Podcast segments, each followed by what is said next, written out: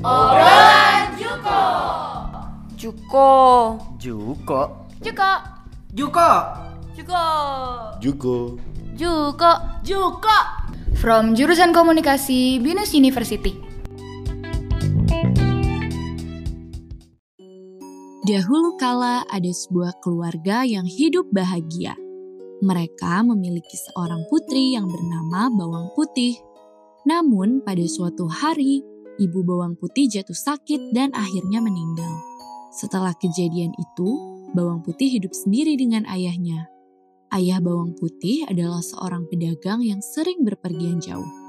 Karena tak tega meninggalkan Bawang Putih sendirian di rumah, akhirnya ayah Bawang Putih memutuskan menikah lagi dengan seorang janda. Janda tersebut memiliki satu anak yang diberi nama Bawang Merah. Sebenarnya niat ayahnya adalah agar Bawang Putih tak kesepian dan memiliki teman yang membantunya di rumah. Perkenalkan Bawang Putih, ini Bawang Merah. Mulai sekarang, kalian akan jadi saudara. Oleh karena itu, kalian harus akur ya. Pasti dong, Bu. Bawang Putih, aku boleh lihat-lihat kamarmu kan? Aku dengar kamu punya banyak mainan dan baju yang cantik. Iya boleh. Ayo kita ke atas. Kamu boleh pinjam baju-baju dan mainanku juga. Namun ternyata, ibu dan kakak tiri bawang putih memiliki sifat yang jahat. Mereka bersikap baik pada bawang putih hanya ketika ayahnya ada bersamanya. Namun ketika ayahnya pergi berdagang, mereka menyuruh bawang putih mengerjakan segala pekerjaan rumah seperti seorang pembantu. Ternyata kemalangan bawang putih belum berhenti sampai di situ. Selang beberapa waktu, ayah bawang putih juga jatuh sakit dan akhirnya meninggal dunia. Kini, ibu tiri dan bawang merah bersikap semakin jahat pada bawang putih. Bahkan waktu beristirahat bawang putih juga semakin terbatas. Tiap hari dia harus melayani semua kebutuhan bawang merah dan ibu tirinya. Bawang putih, jangan lupa untuk ke sungai dan cucikan semua pakaian kotor ini. Setelah itu, pastikan kamu membereskan rumah agar bersih. Tapi Bu, aku baru saja selesai memasak dan membersihkan loteng. Apakah tidak bisa bawang merah saja yang mencuci pakaian di sungai? Enak saja. Memangnya kamu pikir aku pembantu?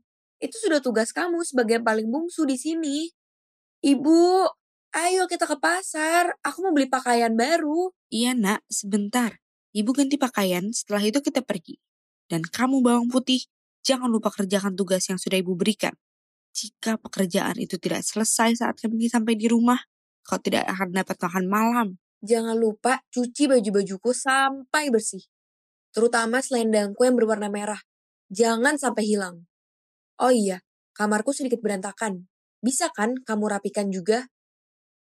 Bawang putih hanya terdiam. Walaupun kelelahan, dia tahu ia tidak bisa membantah ucapan ibu dan kakak tirinya itu. Setelah ibu dan kakak tirinya pergi, bawang putih pun langsung melanjutkan pekerjaan rumahnya. Ketika bawang putih pergi mencuci di sungai, tanpa disadari salah satu selendang kesayangan bawang merah hanyut. Ketika sampai di rumah, bawang merah yang mengetahui hal tersebut langsung memarahi bawang putih karena selendangnya tidak dia temukan. Dia menyuruh bawang putih mencari selendang itu dan tidak boleh pulang sebelum menemukannya.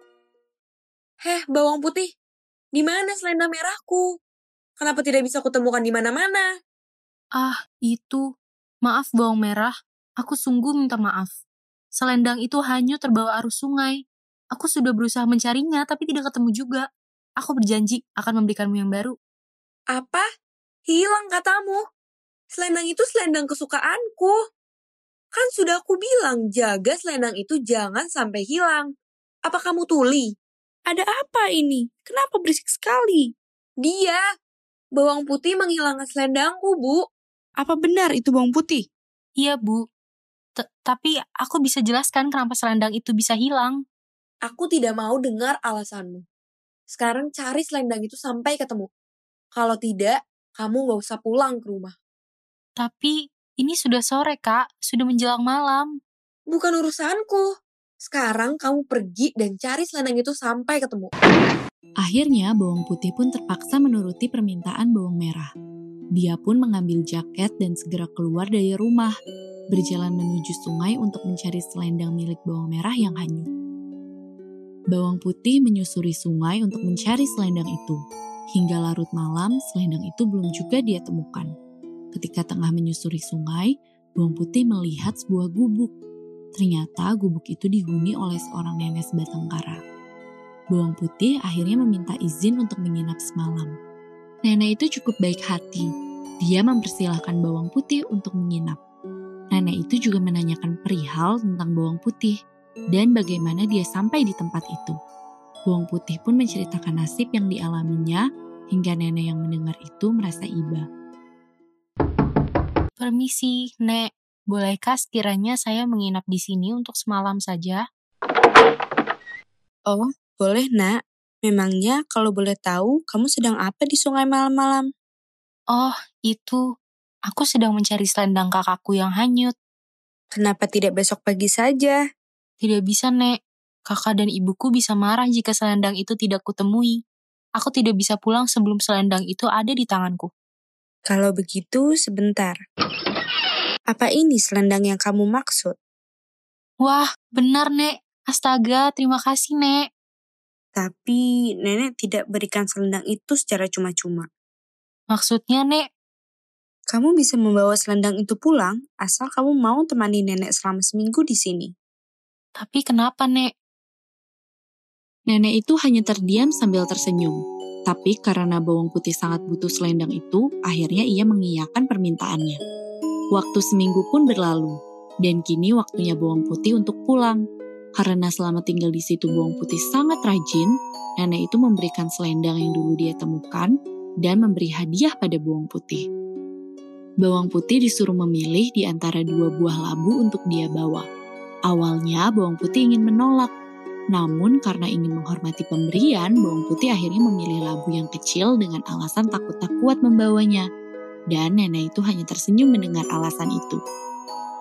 Nek, terima kasih labunya dan bantuannya selama seminggu ini.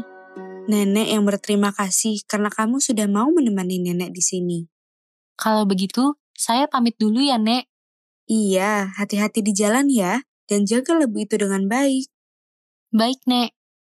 Setelah itu bawang putih pun segera pulang dan menyerahkan selendang itu pada bawang merah. Lalu dia segera ke dapur untuk membelah labu dan memasaknya.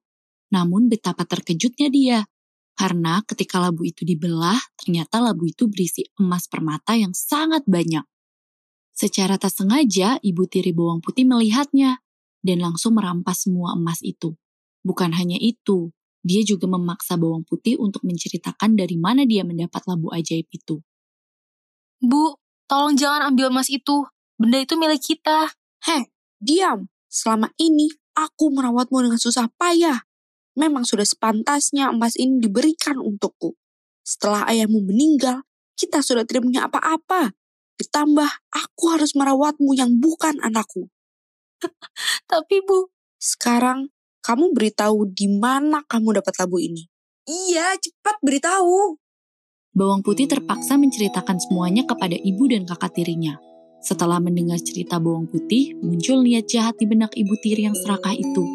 Esok paginya dia menyuruh bawang merah untuk melakukan hal yang sama seperti yang dilakukan bawang putih. Dia berharap akan bisa membawa pulang labu yang lebih besar sehingga isinya lebih banyak.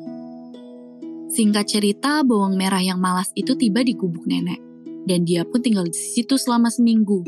Namun karena sifatnya yang pemalas, dia hanya bermalas-malasan saja dan tidak mau membantu pekerjaan si nenek. Dan ketika sudah waktunya pulang, dia pun disuruh memilih labu sebagai hadiah. Tanpa pikir panjang, dia langsung mengambil labu yang besar dan segera berlari pulang tanpa mengucapkan terima kasih. Asik, aku sudah dapat labunya. Sekarang aku dan ibuku bisa menjadi orang terkaya di kampung ini. Setelah tiba di rumah, ibunya yang senang melihat anaknya membawa labu yang sangat besar, dia berpikir pasti emas di dalamnya cukup banyak. Karena tak ingin diketahui oleh bawang putih dan takut jika bawang putih minta bagian, mereka menyuruh bawang putih mencuci di sungai, setelah itu mereka masuk kamar dan menguncinya dengan rapat. Aku sudah tidak sabar membuka labu ini. Aku juga. Sebentar lagi kita akan jadi orang kaya, Bu.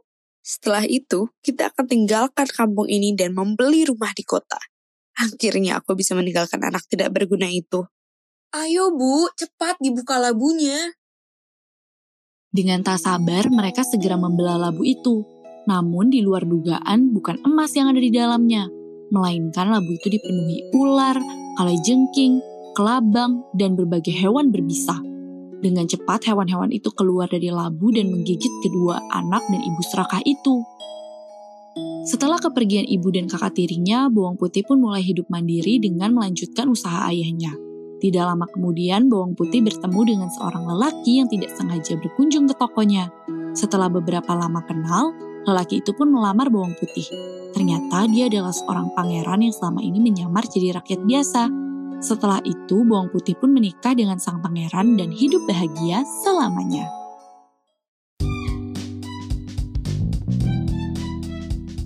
From jurusan komunikasi Binus University.